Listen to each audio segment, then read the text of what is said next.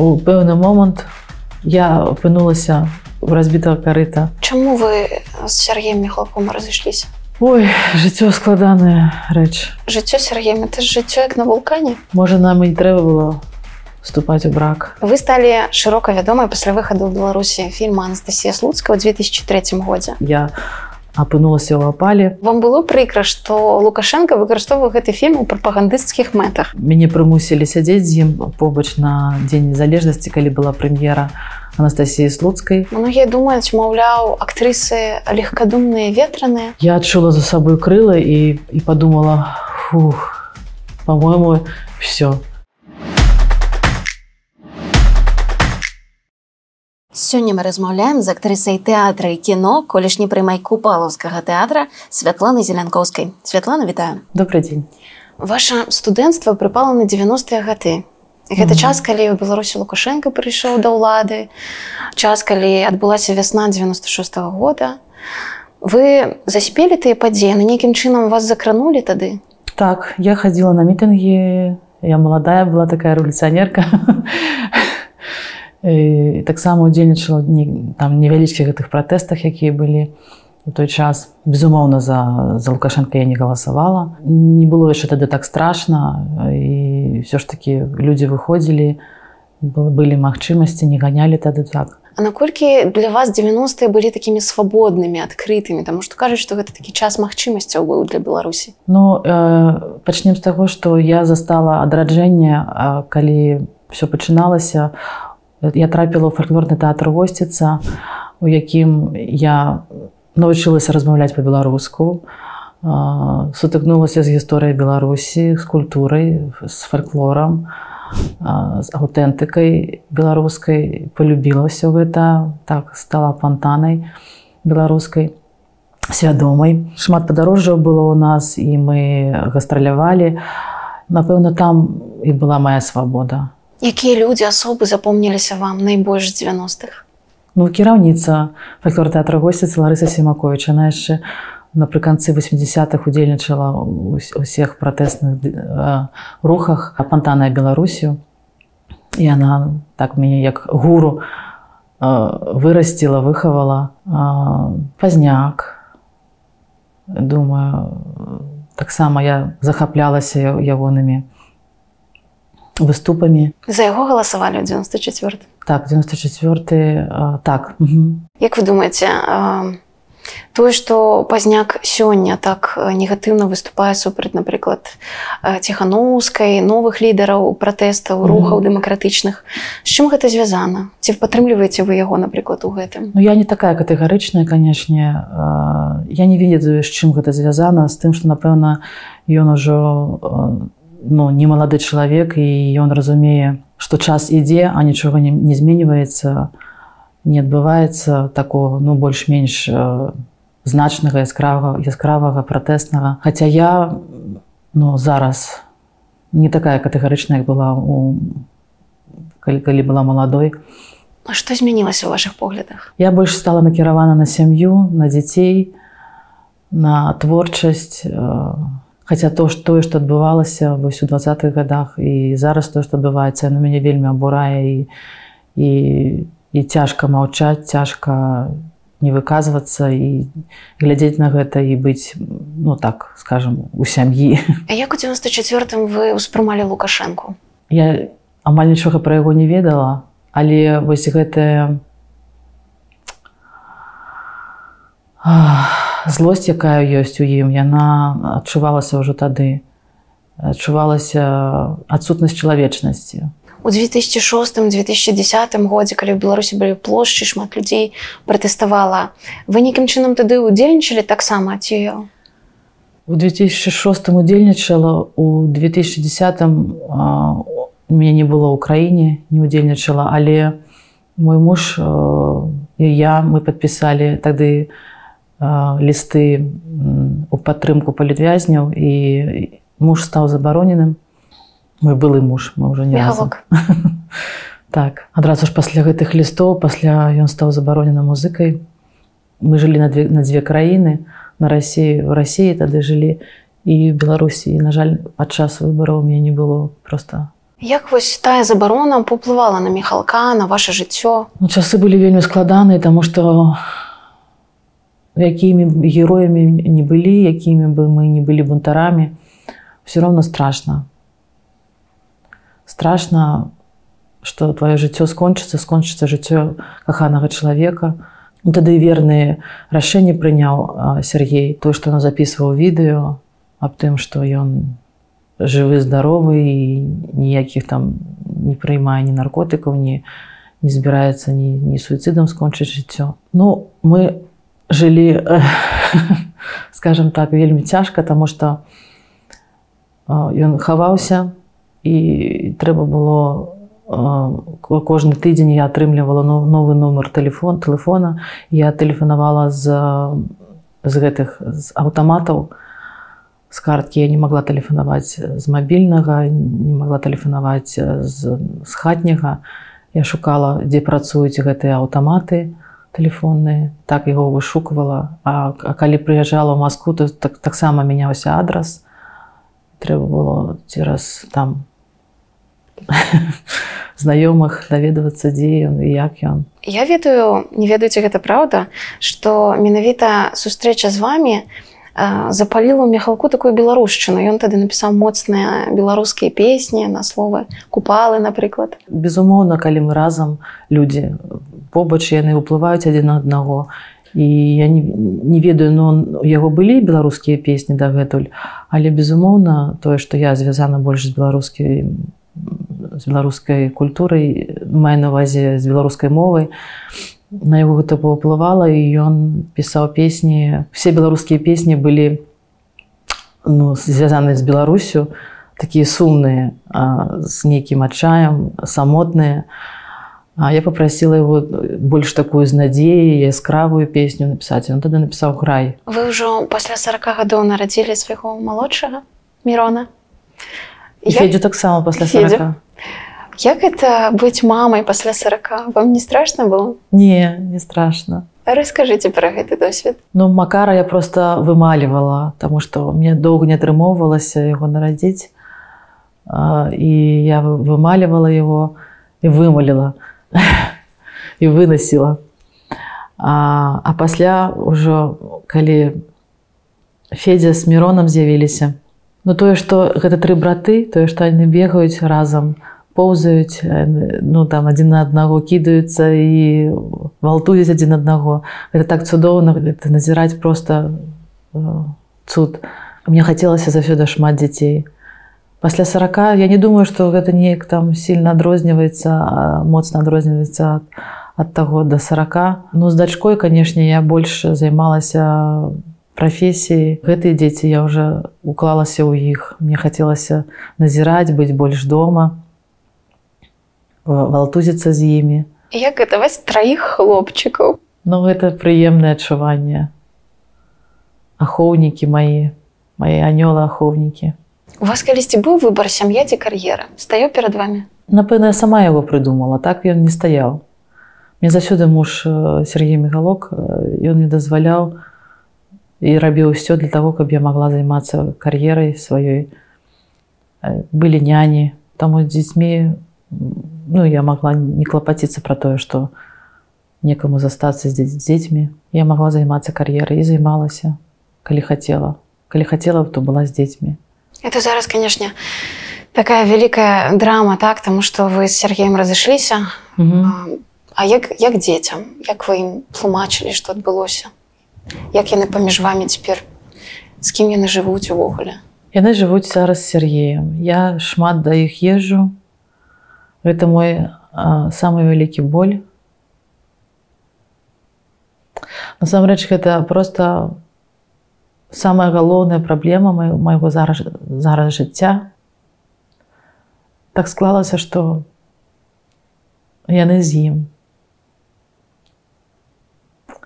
я прыдумываю зараз як мне паехаць туды каб там жыць і працаваць каб быць побач з імі Аксінья вам дапамагае зараз? Угу.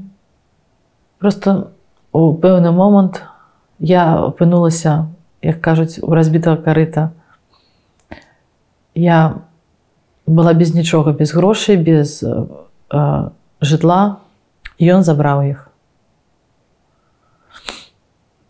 зараз па магчымасці я езжу да іх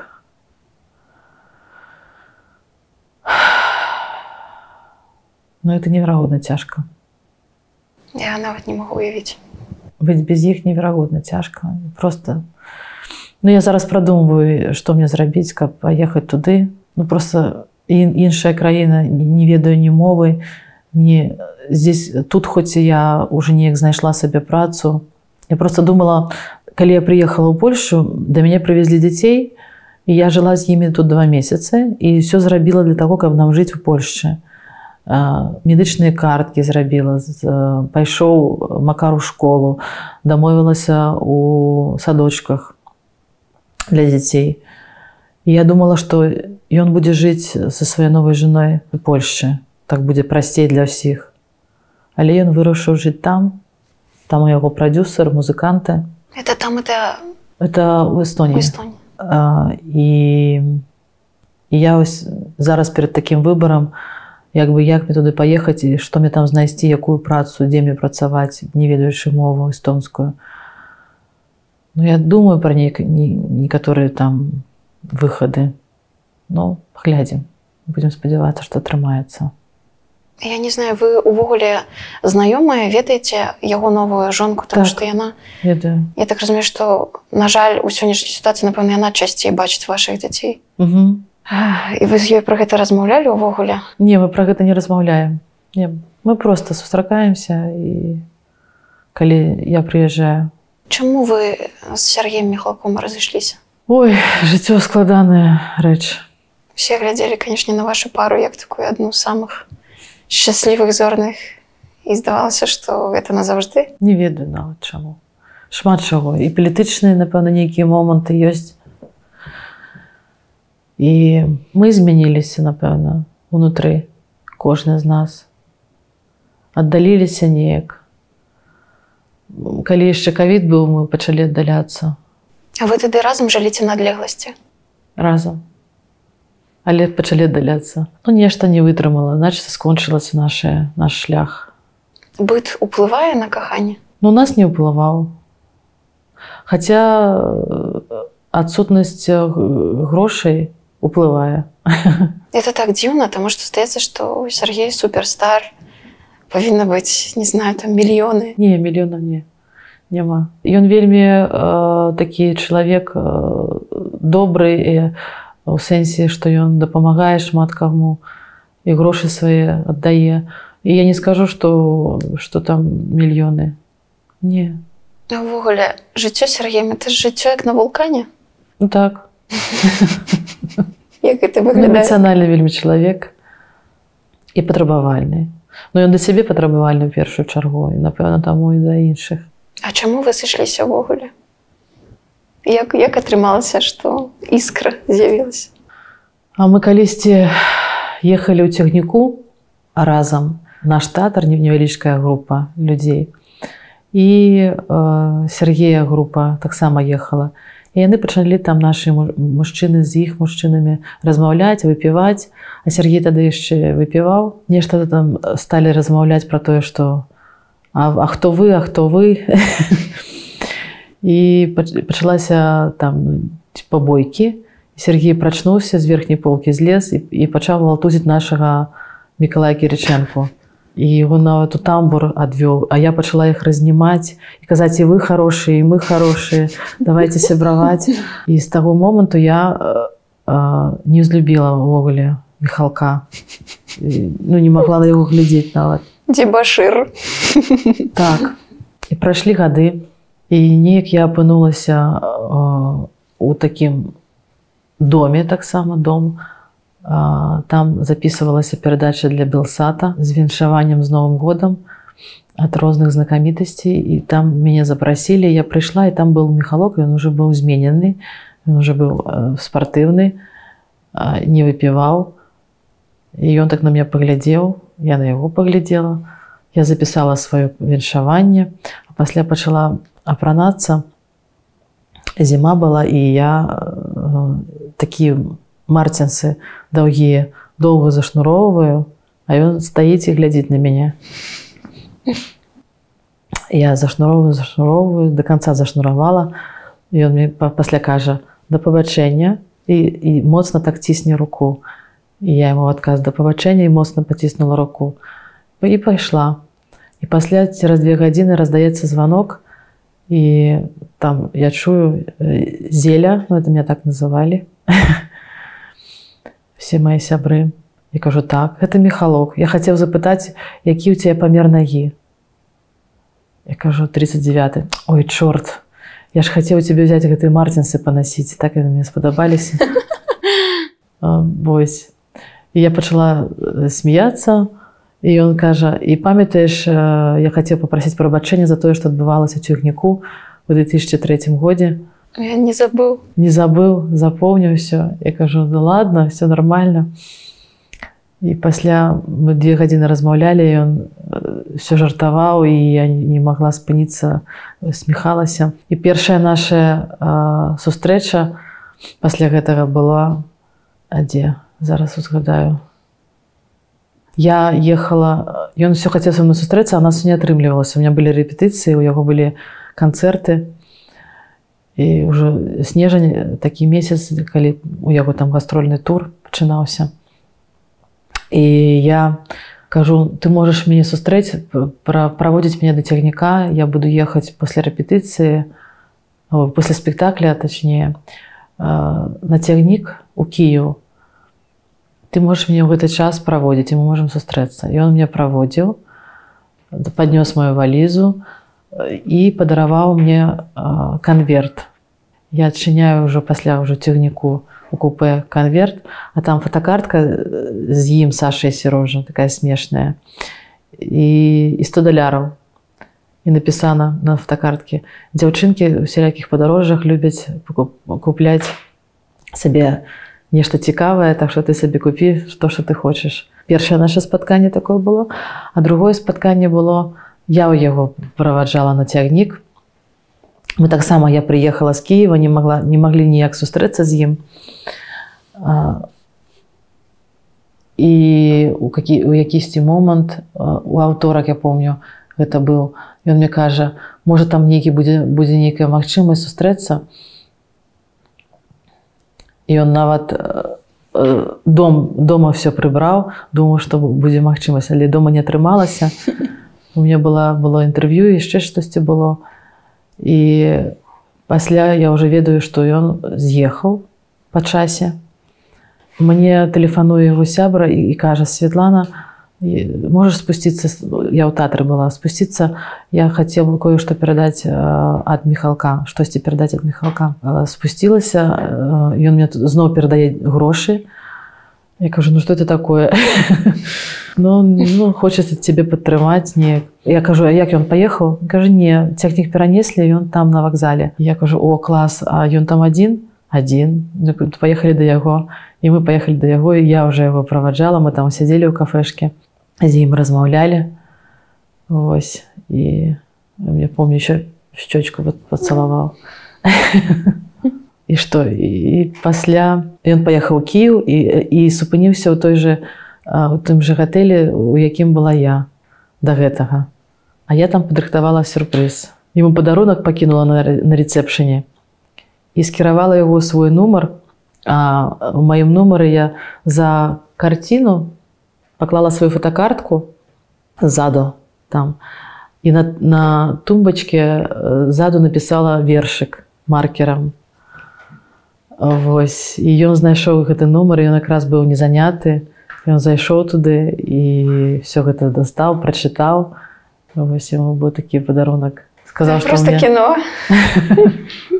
сказаў што мне такая дзяўчына якая по розных гатэлях ездзіць і пакідае мне селякія там пасыланні вы верыце у каханне на адлегласці ці вось у каханне на два гарады ну у нас так было цяжка і я ведала што трэба ўсё ж таки сустракацца больш Таму што на адлегласці цяжка пратрымаць каханне трэба прыдумваць як сустракацца я прыдумвала можете прыгадаць самы шчаслівы момант увогуле за ўсе гэтыя гады самы яркі Ну вось калі напэўна закахалася ў яго і гэты месяц снежань зімні да, ён быў напэўна самы такі яскравы Таму што я ва ўсім бачыла знакі нейкія сімвалы свайго кахання я раз, размаўляла з прыродай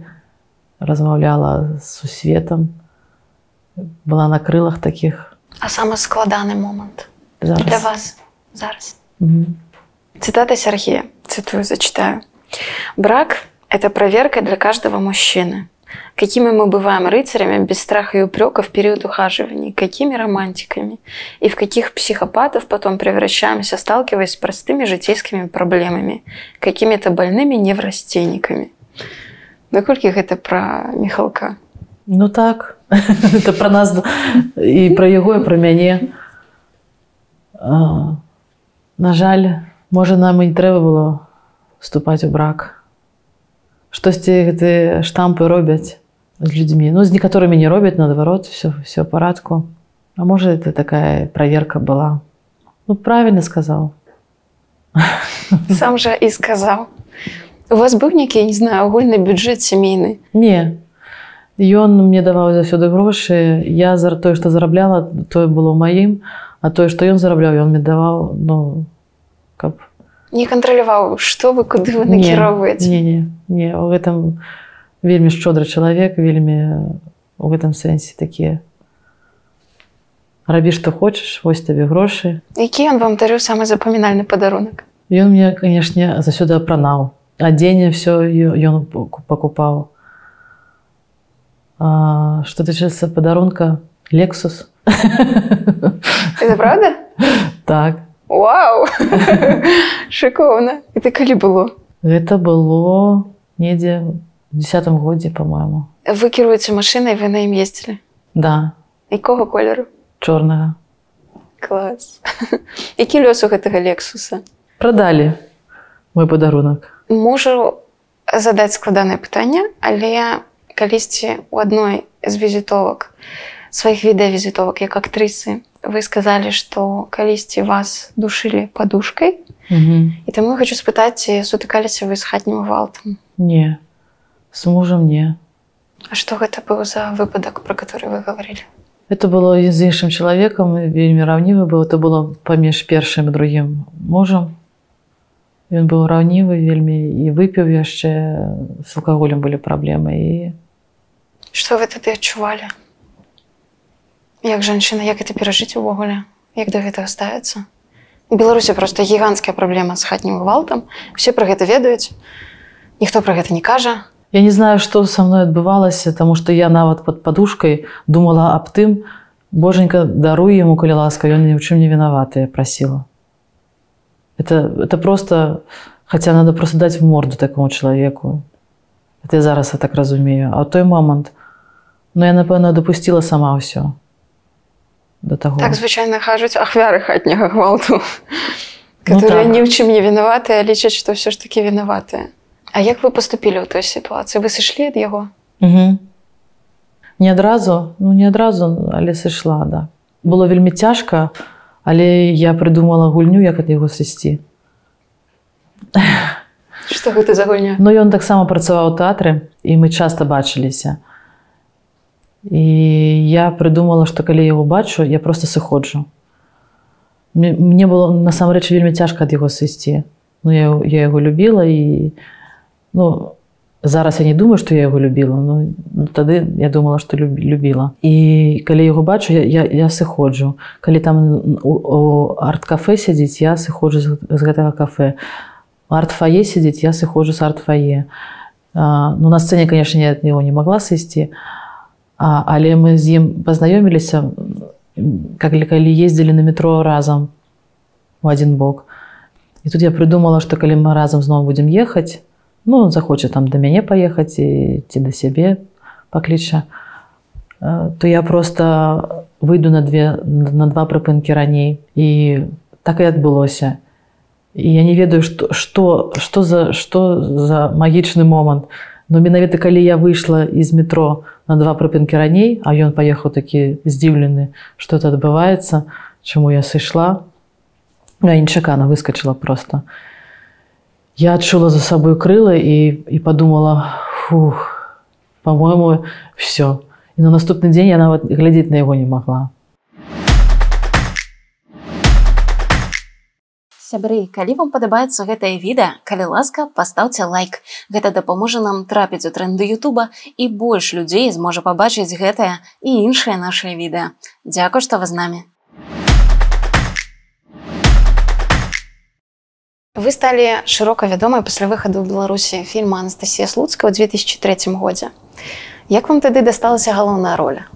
Тады вельмі цікавы быў адбор, таму што э, на гэтую ролю ўжо была э, знойдзена кандыдатка судзілоўская Алеся, расійская актрыса, а, але гэта было тайна. І трэба было зрабіць для народу, э, пробы для беларускіх актрыс каб сказаць пасля што мы не знайшлі беларускую актрысу і знайшлі расійскую. І э, все гэта было так для галочки і я тады праходзіла пробы і не, не, не прайшла іх атрымліваецца першы раз гэта весной было а пасля алесь садзілоўская адмовілася яны перагледзелі ўсе пробы якія былі і паклікалі мяне яшчэ раз на паўторныя спробы і Але сказалі, што для, для того, каб я змагла атрымаць ролю, мне я павінна навучыцца скакаць на кані. І мне было чатыры дні, не три, три дні.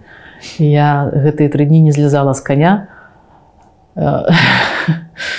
Мне было вельмі цяжка, таму што ўсё балела, балелі нават тыя, як будуць цягліцы пра які вы не ведалі што так. вылёжвалася ў ванне піла піва. Мне казалі, што гэта дапамагае, каб не балела цела. А пасля трэба было праскакаць на кані, спрыгнуць з каня і прачытаць такі даволі моцны маналог. Но все атрымалася, я была нават у гэтай у кальчузе. Она была сапраўдная, на дзесьці важыла не ведаю, можа 10 кілаграмаў. І трэба было трымаць яшчэ меч. Ну так нешта атрымалася. І пасля ўжо мяне зацвердзілі на роль. Вы пасля гэтага фільма сталі секс-сімвалам Беларусі. Як вы тады ўспрымалі сваю папулярнасць? Ну, у меня было шмат працы у тэатры і шмат э, гастроляў і шмат э, фестываляў і творчых сустрэч. Э, і я так была у гэтым веры. Не скажу, што я так моцна адчувала э, папулярнасць, хаця ну, прыемна, канешне.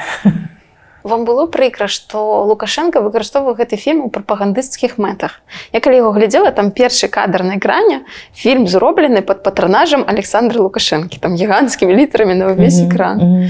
як вы до гэтага ставіцеся насамрэч я ставілася вельмі дрэнна до таго что была зроблена беларуская версія толькі пасля ўжо прэм'еры беларускамоўная версія. А все адбывалася на расійскай мове і все показы былі для і для школьнікаў і для э, просто гледача. Все было на расійскай мове. У гэтым сэнсе я да гэта вельмі так ну ставілася недобра А што тычыцца гэтай шыльды першай ну ну як як можна да гэтага добра ставіцца? У чым заключаўся гэты патранаж ведаеце? Ну что як бы ну правда сродкі ж дае дзяржава а не не з лічнага фонда.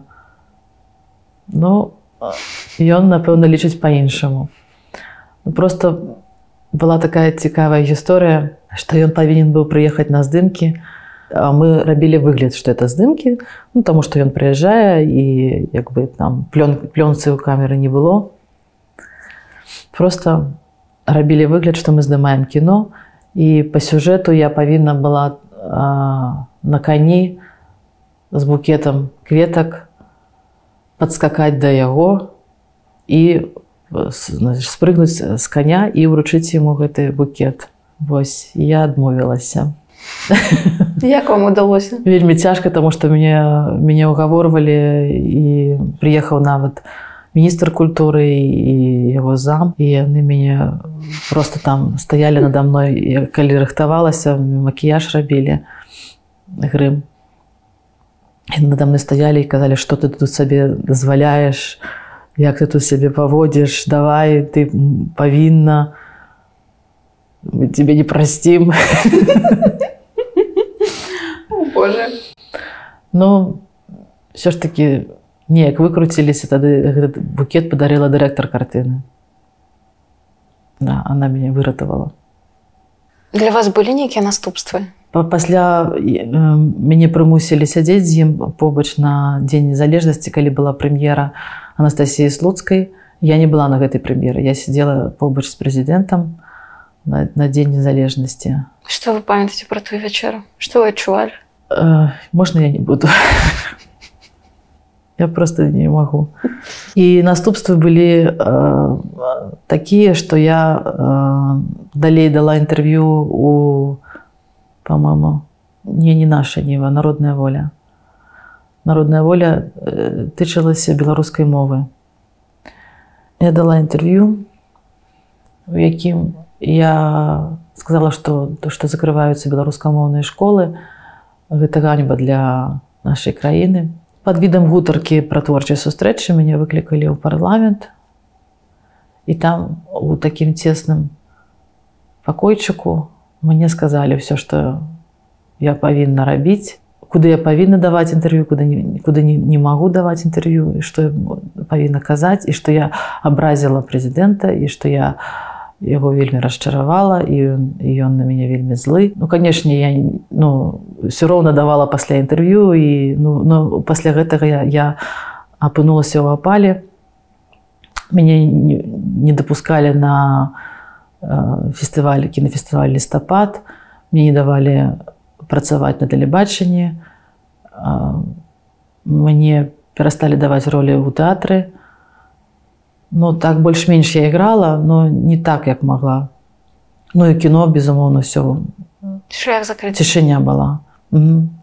Як доўга гэта працягвалася? Ну пасля трошки такая как оттепель э, наступіла і 10 2007 напэўна 8 больш-менш так все нармалізавалася нармалізавалася так. Вы памятаеце, хто з вами тады размаўляў, калі вам можна сказаць прамывалі мазгі рассказывалі что вы павінны не павінны рабіць так памятаю. Можете сказаць владимир канаплёв і урала тыпов як вы можете ацаніць гэты фільм сёння як вы на яго глядзіце канешне добра что закранута тэма гісторыі беларусі і все ж таки есть гістарычная карціна звязаная з беларусю але она больш такая казачная я добра ставлюся до того что ёсць гэты фільм але хацелася больш э, такого шырокага э, спектру наших гістарычных э, фільмаў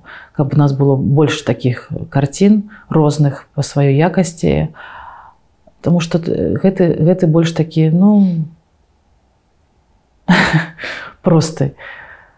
На Netflixе не покажаце Ну так Хаця безумоўна для мяне гэта ну прынесла славу і э, папулярнасць і для мяне гэта важная ступень у маёй маёй кар'еры. З вами там у пары з'яўляецца Геннадзі давыдзька. Ён сёння многім больш вядомы як а, пасля кіраўнік белтэлерадыёкампаніі альбо старшыня грамадскага аб'яднання Беларусь.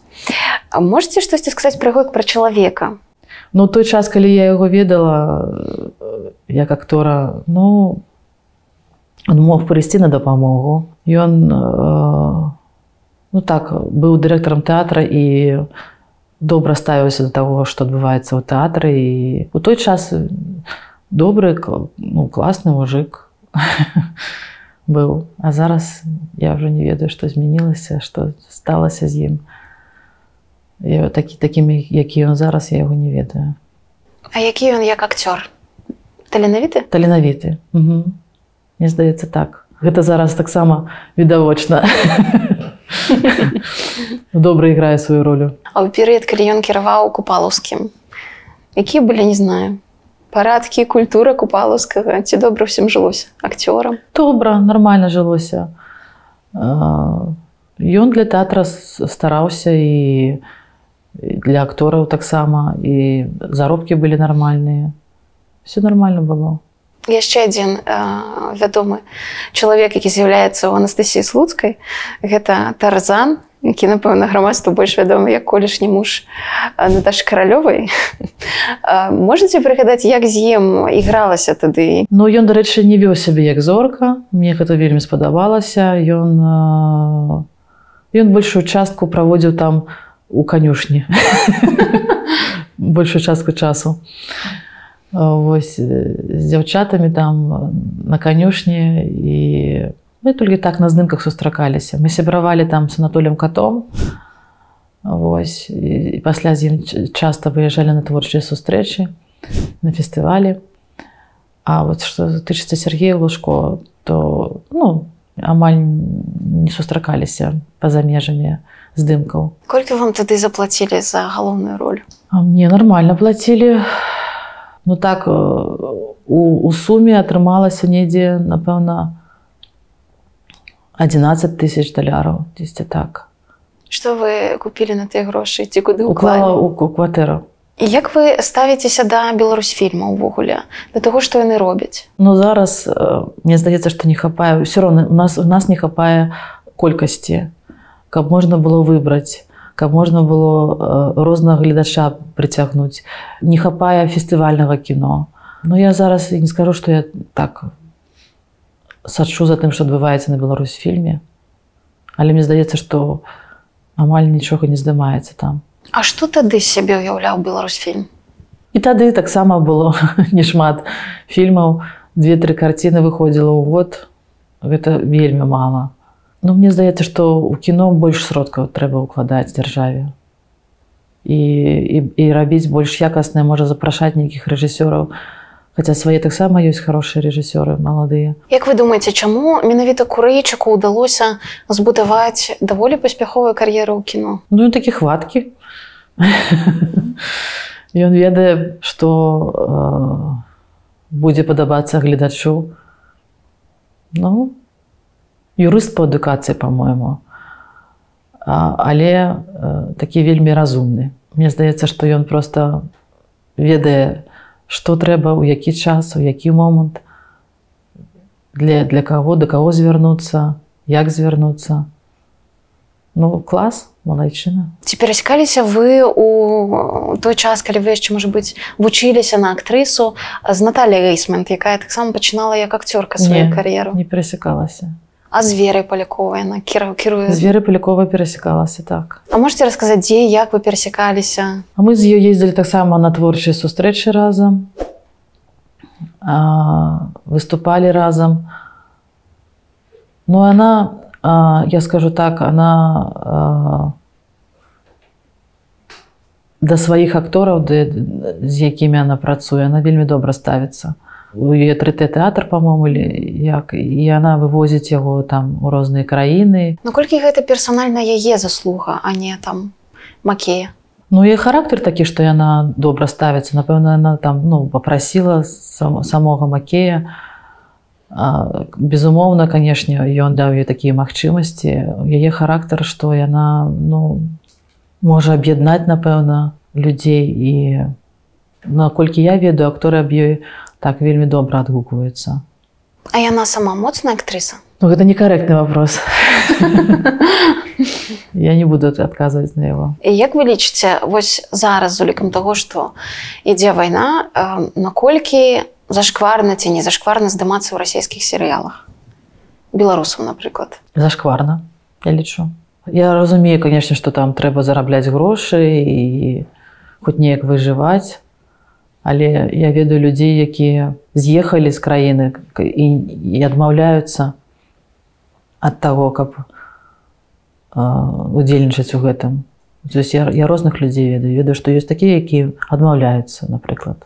таму тыя хто не адмаўляюцца ну, зашкварна. А колькі можна зарабіць на расійскіх серыялах? Наколькі гэта? Немного не, не але ну жыць можна это больш чым у тэатры можа быть можете нейкія сумы назваць каб прыкладна арыентавацца там вот 10 300 даляраў было 300 так а зараз напэўна 10 150 мне здаецца А колькі звычайна цягнуцца гэтыя здымкі бясконца не ну ад, ад, ад ролі залежыць колькі там здымачных дней паставіць там можа 10 там у кагосьці 5 дней но это все роўно больш чым у тэатры Як вы думаеце чаму беларускае кіно ўсё ж таки не змагло развіцца хоць калі параўноўваць напрыклад з чэшскім ці румынскім хоць там як бы параўнальна з беларусій па колькасці насельніцтва і я думаю па нейкіх там умовах стартавых у ім удалося нейкае сваё нацыянальнае кіно збудаваць стварыць ну, что тут наплыў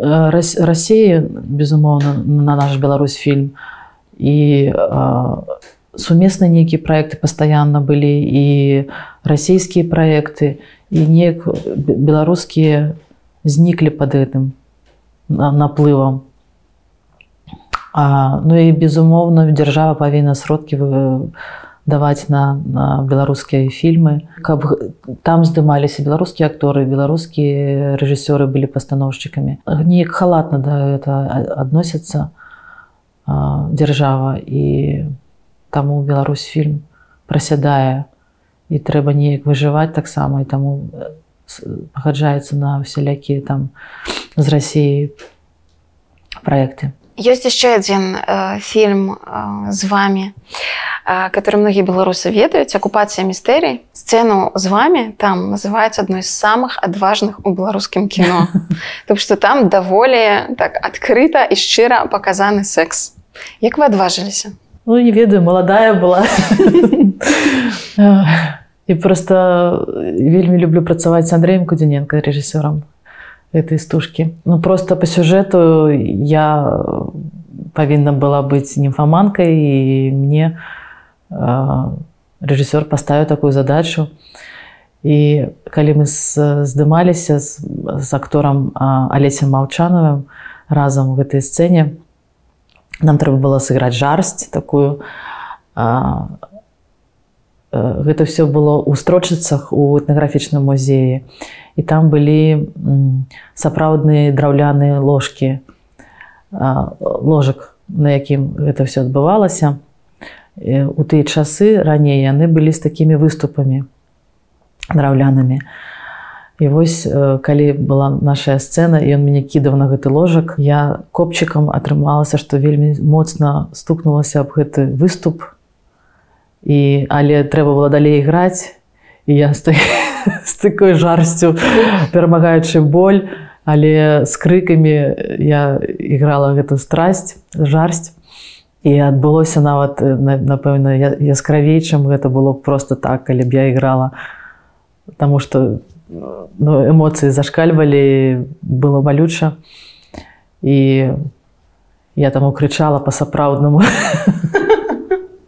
вы адразу пагадзіліся на ролю Ну гэта першая моя роля ў кіно Ну не заважаючы тыя што ролі якія былі ў дзяцінстве но там не ролі там былі все ж таки так масавыя сцэны А што тычыцца ўжо прафесійна майго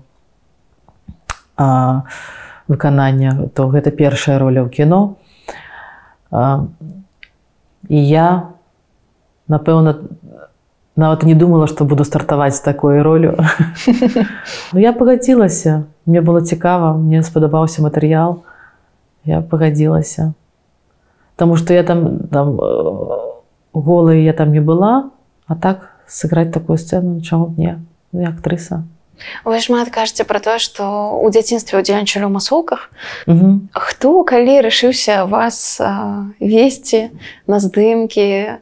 Хто бачыў вас актрысу ў тым узросце? Мама. Маці мяне вазіла на здымкі яна хацела каб я была актрыса на мяне вазіла ў розныя гурткі музычныя. Скончыла две музычныя школы. Я хадзіла ў хор на танцы на ушу. на лёгкую атлетыку на большой на вялікі тэніс на што яшчэ хадзіла ложачки Но мне столькі было гурткоў што нават бабушка сварылася з мамай наконт таго что дзяцінства павінна быць дзяцінствам і трэба трэба скакаць на вуліцы а не хадзіць у гэтыя ўсе гурткі і мы да яе хавалі што я хожу на вялікі тэніс так і пасля калі у мяне там неяк за я захварэла на, на вялікім тэнісе патэлефанавалі дадому бабуля падняла трубку і Ей сказали, что забирайте, коли ласка, вашу внучку, и она на великом теннисе. Она не зразумела, что отбывается, ну, посварилась после уже с мамой. Моцно. А так мама возила меня на кино. Казка об зорным хлопчику так само я удельничала там. Посиди и гляди. Апошний трамвай. Ну так не ведаю яшчэ, які не узгадаю больше. У вас вельмі цёплыя стасункі з мамай былі, можете пра яе расказаць? якой яна была кім яна была мама моя я ее вельмі удзячна за тое дзяцінство якое якраз таки она мне все уклала і она просто была пантаном мною на все жыццё была одна но ну, да мяне. Нават у інтэрнаце быў час калі яна выхоўвалася. І калі з'явілася я я без бацькі расла то она все жыццё уклала ў мяне і вельмі мяне любіла вельмі. Я такой любові ну, у жыцці больш не сустракала. Мацярынская на яе любоў была вельмі моцная і ну всім ахвяравала дзеля мяне і на жаль яна вось тады пасля кавіда гэтага памерла. Цяжкая сітуацыя была. Чаму самому важнаму яна вас навучыла? Дараваць людям Она сама вельмі даравала ўсім і вельмі ўсіх шкадавала вакол сябе. Вось гэтая чалавечнасць, якая была ў ёй, яна, яна навучыла мяне таму, што нават дрэннага дрэннага там чалавека ці ворага все роўно можна пашкадаваць. У ёй столькі было цеплыні, сэрца столькі да ўсіх людзей, Яна вельмі біла жывёлаў, подбірала розных там сабак, катоў, усіх шкадавала. Калі вы пасля выхоўвалі сваю старэйшую дачку Аксінію, вы капіравалі нейкія не знаю патэрны так як вас выхоўвалі на дачку. Можа, можа трэба быць больш строгім дачынення да дзяцей але у мяне дзяцінстве было все вельмі я была ну скажем так разбалавана маці сваёй она мне все даравала і нават калі я прыходзіла з двойкай я плакала она пыталася чаму ты плачешь кажу «Ну, мне двойка она кажа так, так двойка ну ставіць у дзённік тому что для дзеля чаго я кажу ну каб бацькі пасварылі она кажа я тебе сваруся з табой за гэта Кажу, ні, ну, чого ти плачеш? і, і я таксама са сваёй дачкой вельмі ну, добрая маці. Яна нават калісьці сказала, што мама ніколі на мяне не ругаецца, ніколі не, не забараняе, а толькі просіць. я, я сапраўды так нават голас ніколі не падніму, не падыму і сапраўды буду прасіць больш там допустим штосьці не рабіць чым забараняць не ведаю можа гэта неправільна неправільнае выхаванне вы 17 гадоў аддалі купалаўскаму тэатру якая ваша любимая роля за ўвесь той час? Не одна. Три. Тры ролі любімыя гэта франка у спектаклі хам Элаізія Жэшка у пастаноўцы Александра Гарцуева. Гэта ледзі Макбет, пастаноўцы Латэнаса па Шекспіру, спектаклі Макбет. Гэта Шарлота Івановна у спектаклі СВ па вішнёваму саду Чехава, рэжысёр Павел Адамчыкаў. Ну кожная роля любіма па-свойму, і нават маленькія ролі любімы але гэтыя тры яны такія самыя для мяне напэўна яскравыя франка в спектаклі хам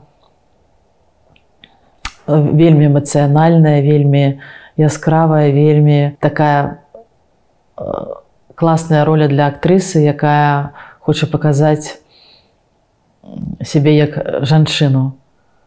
Уся палітра роля вельмі такая з эмацыйнымі выбухамі, вельмі каларытная і для актрысы вельмі такая спрыяльная, каб паказаць всю сваю моц, всю сваю шыр як актрысы. Што тычыцца ледзі Макбет, но тут просто вельмі было цікава паказаць, як з'язджае з глузду жанчына на падчас атрымання ўлады і падчас таго, як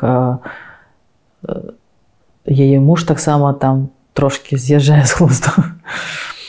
Менавіта вось гэтая стан вельмі цікава паказаць стан, які адпавядае, чаму адбываецца пераварот у мозгу. А што тычыцца э, спектакля СВ, это пластычны спектакль на тэму вішнёвага сада. І там я іграю невялічкую ролю, але мне за адзін маналог на нямецкай мове пластычны спектакль і ніхто не размаўляе, акрамя мяне. Я размаўляю, я там выконвала ролю лялькі. Увесь час мяне цёгалі па сцэне не мяне, а ляльку такую зробленую, як я, цёгалі па сцэне, а пасля яна у нейкі момант ажывае і пачынае маналог свой і сваю, сваю боль свайго жыцця яна выказвае ў адным маналогу на нямецкай мове яшчэ і з пластыкай. Вось для мяне гэта таксама было вельмі цікава зрабіць. У чаму складанасць быць актрысай? Ну все думаюць, што вывучыць столькі тэксту гэта складана, але насамрэч гэта не самае складанае. самае складанае гэта да знайсці гэтае зерне, знайсці тое, што зачэпіць гледача і ператварыцца ў гэтага у гэты вобраз зрабіць упэўнена такім вобраз каб глядач паверыў што ты гэта гэтая гераіня. Насамрэч самае галоўнае гэта вось упэўніць у гэтых пачуццях у гэтых які адбываюцца з табой эмоцыях абставінах каб ён табе паверыў. Гэта самае напэўнае складанае Многія думаюць, маўляў, актрысы легкадумныя ветраныя. Калісьці вы згадвалі ў адным з інтэрв'ю, што ваш першы муж вам такое закідваў, маўляў, легкадумная. Наколькі гэта праўда ўвогуле? Я не думаю. Напэўна, рызыкаў больш і шансаў там кагосьці сустрэць і закахацца, напэўна, больш, чым у простым жыцці, таму што ну, мы іграем там, напрыклад, каханне, і трэба насамрэч штосьці знайсці ў гэтым чалавеке каб ён табе спадабаўся. Ты ж не мож, не будзеш просто іграць там що ты яго любіш а, а нешта павінна адбыцца нейкая хімія каб глядач зноў ж таки паверыў. Так. І і таму адбываюцца раманы на на здымачных пляцоўках. Я не ведаю можа просто раўнівы быў вельмі мой першы муж. Таму ён так казаў Чаму вы першы раз выйшлі замуж? Што вами тады кіравала? Мы з першым мужам вельмі добра сябравалі. Ну все было романтычна, все было прыгожа. Мы нават пісьма пісалі адзін аднаму, калі ён з'язджаў у Калінінград спачатку, а пасля у Германію там спрабаваў паступіць ён мастак. І мы пісалі пісьма лісты з кадзіраваным закадзіраванай мовай каб ніхто не замог прачытаць Вось і малюнкі малявалі адзін аднаму Ну маладая была і колькі вам было гадоў тады 22 калі я выйшла замуж.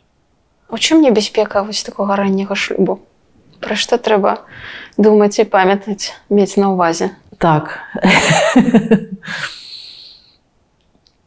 Ну я аб чым не шкадую, у меня дачка і класны быў час. Але напэўна ну, не пагуляла я. і яшчэ калі была маладая, не ведала, ну, можа, можа нехта і не гуляе ўвогуле так выходзіць замуж і жыве ўсё жыццё разам. А я ўсё ж таки вырашыла яшчэ пагуляць пасля калі ўжо разышлася з мужам. Што увогуле з таго часа купалаўскага тэатра вам найбольш найперш згадваецца наши гастролі мы э, гастролі і яшчэ мы неяк нейкі час так таким гуртом сябравалі вялікім гуртом моцна сябравалі і рабілі віншаванне з днём нараджэння там з днём мужчын днём жанчын рабілі тэатралізавана прыдумвалі нейкую фабулу каб гэта было цікава там напрыклад адной актрысе яна вельмі прыгожая Юля шпілевская мы ёй рабілі віншаванне э, такое. Яна, напрыклад, выходзіць з дому, а яе караулілі там нашы у двары, ведалі, куды яна пойдзе, і на, на, на працягу ўсяго шляху э, караулілі яе на, нашы людзі. І э, у пэўны момант прасілі нейкага там прахожага, каб ён э, давалі яму тры кветкі, тры ружы і каб ён падараваў паказвалі на каго падараваў гэтай Юлі гэты ружы і сказаў што на самая прыгожая жанчына ў свеце. І яна хадзіла по гораду шла там на, на працу і ёй цераз там нейкі пэўны час падыходзілі да, і даравалі ёй ружы е напрыканцы колькі ее было, было гадоў столькі ў ее было гэтых ружаў. Прыгожа. А вас як віншавалі? А мяне я прыехала з гастроля на свой дзень нараджэння 6 гадзінаў раніцы э, на цягніку і бачыў у акенца што там стаіць мужик мужчына з шыльдачкай што напісана Святлана зеленковская я выходжу спыта пытаюся што што здарылася ён кажа а яго букет кветак ён мне падараваў і кажа хадзімце са мной ваши сябры даруюць вам такі сюрпрыз і мы ідзем на майданчык на пляцоўку дзе прыпаркаваны машыны і там стаіць лімузін вялікі і я сядаю гэты лімузін а там а, гумовыя кулькі а, шампанская і гучыць моя любимая музыка а пасля музыка скончваецца і прыемны голас кажа ну аднаго з сябраў кажа што з днём нараджэння на насалоджваюся святам. гадзіну я ездзіла по гэтаму менску ранішняму. І лопай кулькі там будуць віншаванні. І я піла шампанское лопала гэтыя кулькі і чытала віншаванне ад кожнага. Вось да, можете расказаць чаму купалускі стаў нацыянальным дыяментам чаму не любы іншы тэатр у чым вось гэтая сутнасць купалуска ну скажем так у нас э, заўсёды быў вельмі моцны адбор. У нас не кожнага бралі ў тэатр. Прагледжваліся э, выпускнікі тэатральнага інстытуту. І бралі толькі з інстытуту з інстытуту культуры не бралі толькі з акадэміі мастацтва бралі. Ніколі не думалі памяняць тэатр? Не ніколі У чым геній пенігіна? Ну у яго самабытны погляд ён адрозніваецца ад іншых рэжысёраў. Як вы думаеце, у 2020 годзе акцёры мусілі ісці ўслед за паўлам латушкам з тэатра звальняцца па выніку. Ці ўсё ж такі ім варта было застацца, каб захаваць тэатр. Ну яны зараз захоўваюць яго па-за межамі. Мне здаецца, што яны якраз такі захавалі тэатр, сышоўшы з яго. Таму што калі б яны засталіся, гэта было б нешчыра і ну, як, як я прачытала недавно у інтэрв'ю Зоі Белахвосцік, як можна, калі людзей збіваюць, гвалтуюць і прыніжаюць і забіваюць, як можна прыгаць скакаць на сцэне, Весь э, твой голас гэта голас купалы, голас народа. Ты не можаш быць такім легкадумным і закрываць вочы на тое, што адбываецца. Яны ж не столькі сышлі за латушка, яны колькі проста былі ў пратэсце да таго, што адбывалася. А пасля калі латушка сышоў яны патрабавалі яго вярнуць і яго не вярнулі яны сышлі но а, больш все ж таки подзіва тут у, у трупы усёй якая сышла Як вы ставіцеся да ўчынка латушкі ўвогуле ці чакалі вы таго што ён далучыцца да пратэстаў пойдзе за народам Ён вельмі любіць беларускую культуру ён вельмі э, адукаваны і нацыянальна свядомы і культурны чалавек і мне здаецца што тое што он пайшоў на мітынге напэўна гэта вынік яго адносінаў да беларускай культуры. Ён сапраўды калі быў міністрам культуры он хацеў падняць беларускую культуру на высокі ўзровень. Сёння у купалаўскім працуюць штрейк-брэхеры людзі якія прыехалі з рассіі акцёры не ведаюць мовы. Як вы ставіцеся да гэтай з'явы? Ну гэта жудасна гэта здрада і увогуле тое што адбываецца гэта так балюча то што адбываецца і ў тэатры і у краіне я не ведаю што зараз ператвараецца вы калісьці згадвалі вельмі незвычайную сустрэчу са сваім бацькам у тарту на новы год. Угу можете прыгадаць як это адбылося? Мы поехали э, с тэатрам на гастролі у, у тален я ведала пра свайго бацьку толькі тое что дату народзінаў імя імя по бацьку і прозвішча і тое что ён быў знакаміты спартсмен у свае часы і дзе ён працаваў. І калі мы прыехалі ў талін я подумала что зараз такая ну под новый год тым больш казачная такая сітуацыя что можа гэта і такі нядрэнны повод э, адшукаць яго Таму что жыццё ідзе оно невядома калі скончыцца і калі ты не ведаеш сваіх караней сваіх сваю кроў. Ну так мне здаецца складана жыць. Все ж таки больш трэба цягнуцца адзін да аднаго ведаць адзін аднаго ну хаця б пазнаёміцца. Мне дапамагла гід нашага гурта цераз спартыўны камітэт она знайшла яго але ён уже ў тарту не таліне. І мы ему патэлефанавалі. Ён быў вельмі здзіўлены канешне. Не чакаў. нават не могу уявіць что вы сказали увогуле я так і сказала что жыццё кароткае. Я не сказала добрый дзень. Я Светлана дзевянковская ваша дачка. Я ведаю что зараз гэта вельмі нечакана і выбухова але жыццё кароткае мне здаецца что вельмі важно все ж таки адзін з адным сустрэцца хотя бы один раз каб убачыцца і даведацца якія мы ёсць я кажу што мне нічога ад вас не трэба я просто хочу вас запрасіць на свой спектакль который там павінен быць э, у таліне ён быў вельмі здзіўлены і нават не ведаў што яму сказаць і сказаў што мне трэба падумаць і пасля на наступны дзень он патэлефанаваў 31 снежня под новы год і сказаў что ён вельмі хоча со мной сустрэцца а але приехаць у таліну не можа яго только недавно была аперацыя на сэрцы і калі у меня будзе магчымасць заехаць у тарту то мы сустрэнемся і мы весь тэатр на той час дырэктарам тэатра был Миколай кірыченко і он ён таксама удзельнічаў у гэтым спектакле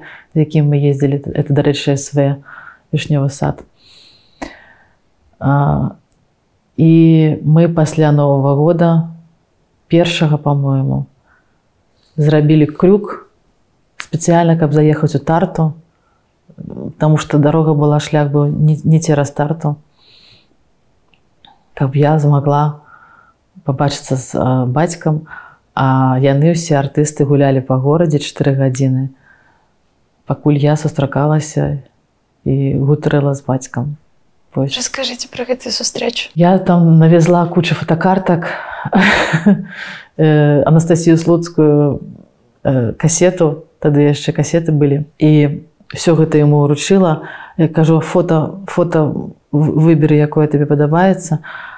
А ён кажа: « А можна ўсе ўзяць, забраўся фото.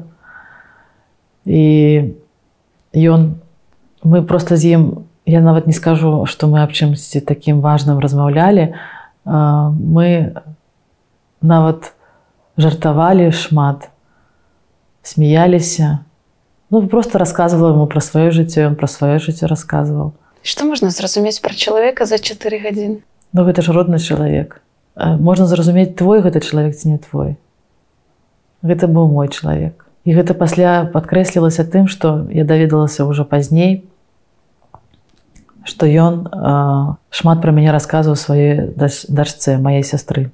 Карман карман да. Все ведаеце. Гавару пра тое што мы павінны сябраваць.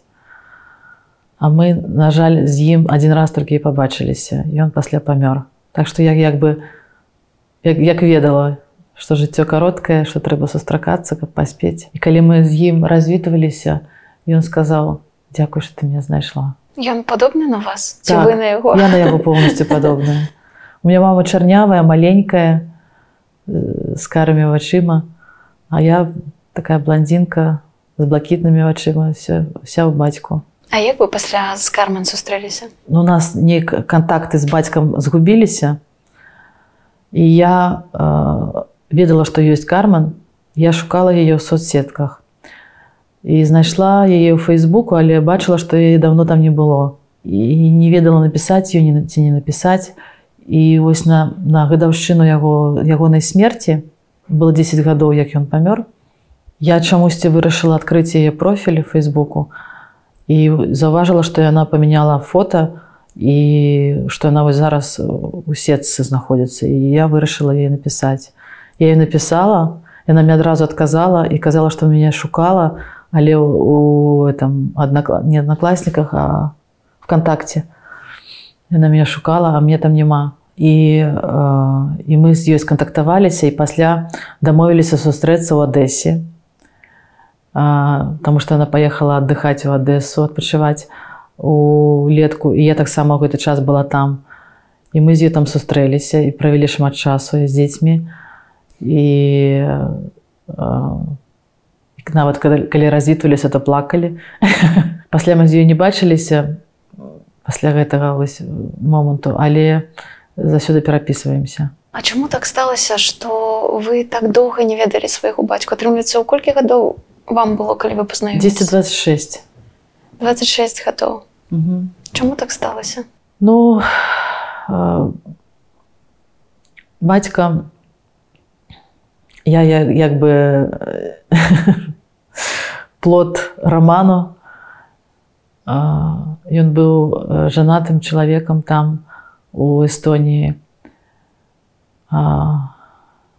мама любіла яго ўсё жыццё але не хацела каб я сустракалася з ім. Ну, я просто нават не ведала якую нагоду прыдумаць как туды паехаць. Мне не адреса не было ні ніякіх звестак таких больш-менш А ён ведаў пра ваше існаванне? ведаў так.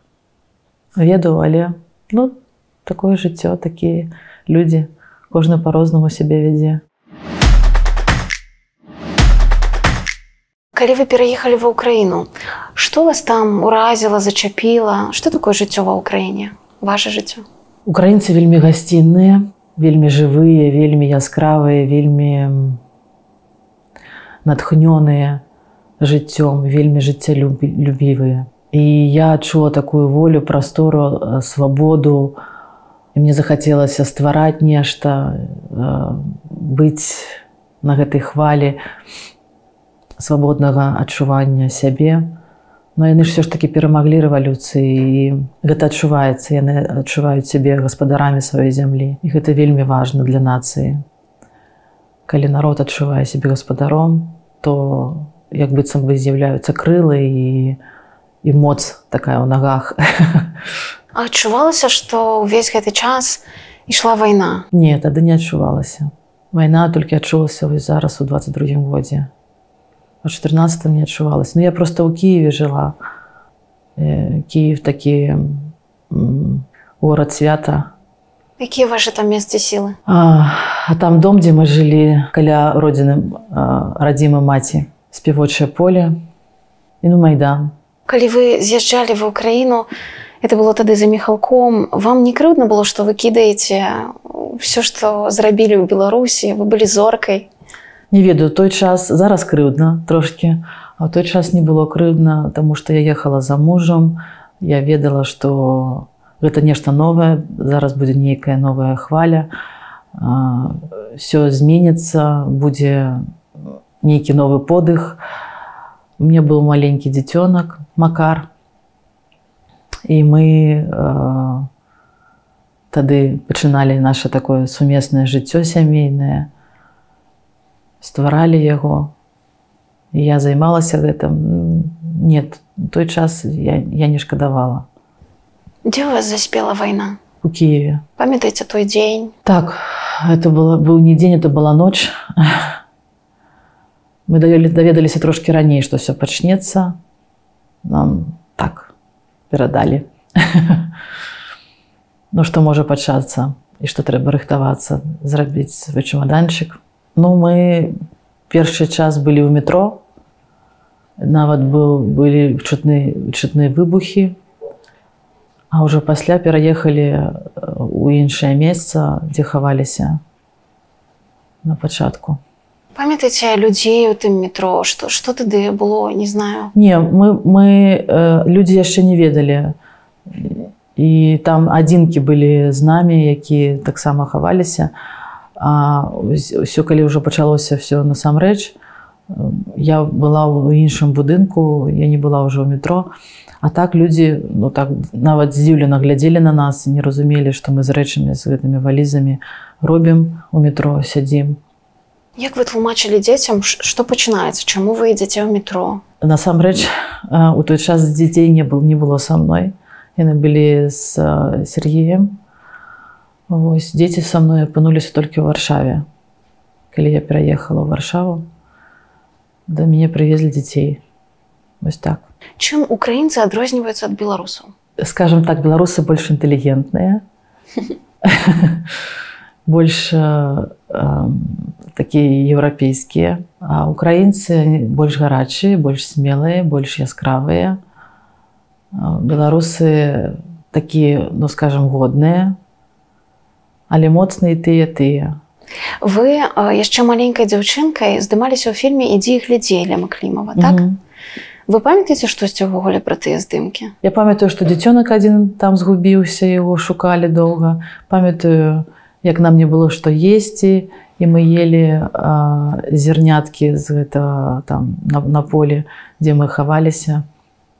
Ну хаваліся мае навазе по сюжэту у, у поле мы там сядзелі і пасля калі пачынаў ляцець такі не не самолет а, ну на для нас э, зрабілі э, знак что нам трэба бегчы мы былі бежанцамі Вось і і мы там сядзелі і чакалі доўга-доўга доўга гэтых здымкаў А пасля калі трэба было бегчы і падаць куляцца э, з гары мы там так беглі то мне было вельмі смешна. Трэба было плакаць крычаць ад страху а, а я смяялася. Яшчэ тады не, не вельмі добра была акторка. Таму што шмат людзей все што штосьці бягуць крычаць і мне было смешна. А тое што вы ели вось гэтыя зярняткі гэта так Лем клімаў хацеў каб вы адчулі чулі рэальныя людзі? Напэўна так я не ведаю чаму. Можа масоўку не кармілі тады. Што вы адчувалі калі яго глядзелі? Ой гэта вельмі дарослы фільм канешне безумоўна. Это цяжкі але такі ну шэдэўр. Ім чалавечай роспачы. Калі чалавек у губляе просто свой твар чалавечы. Ну цяжкі безумоўна цяжкі вельмі фільм.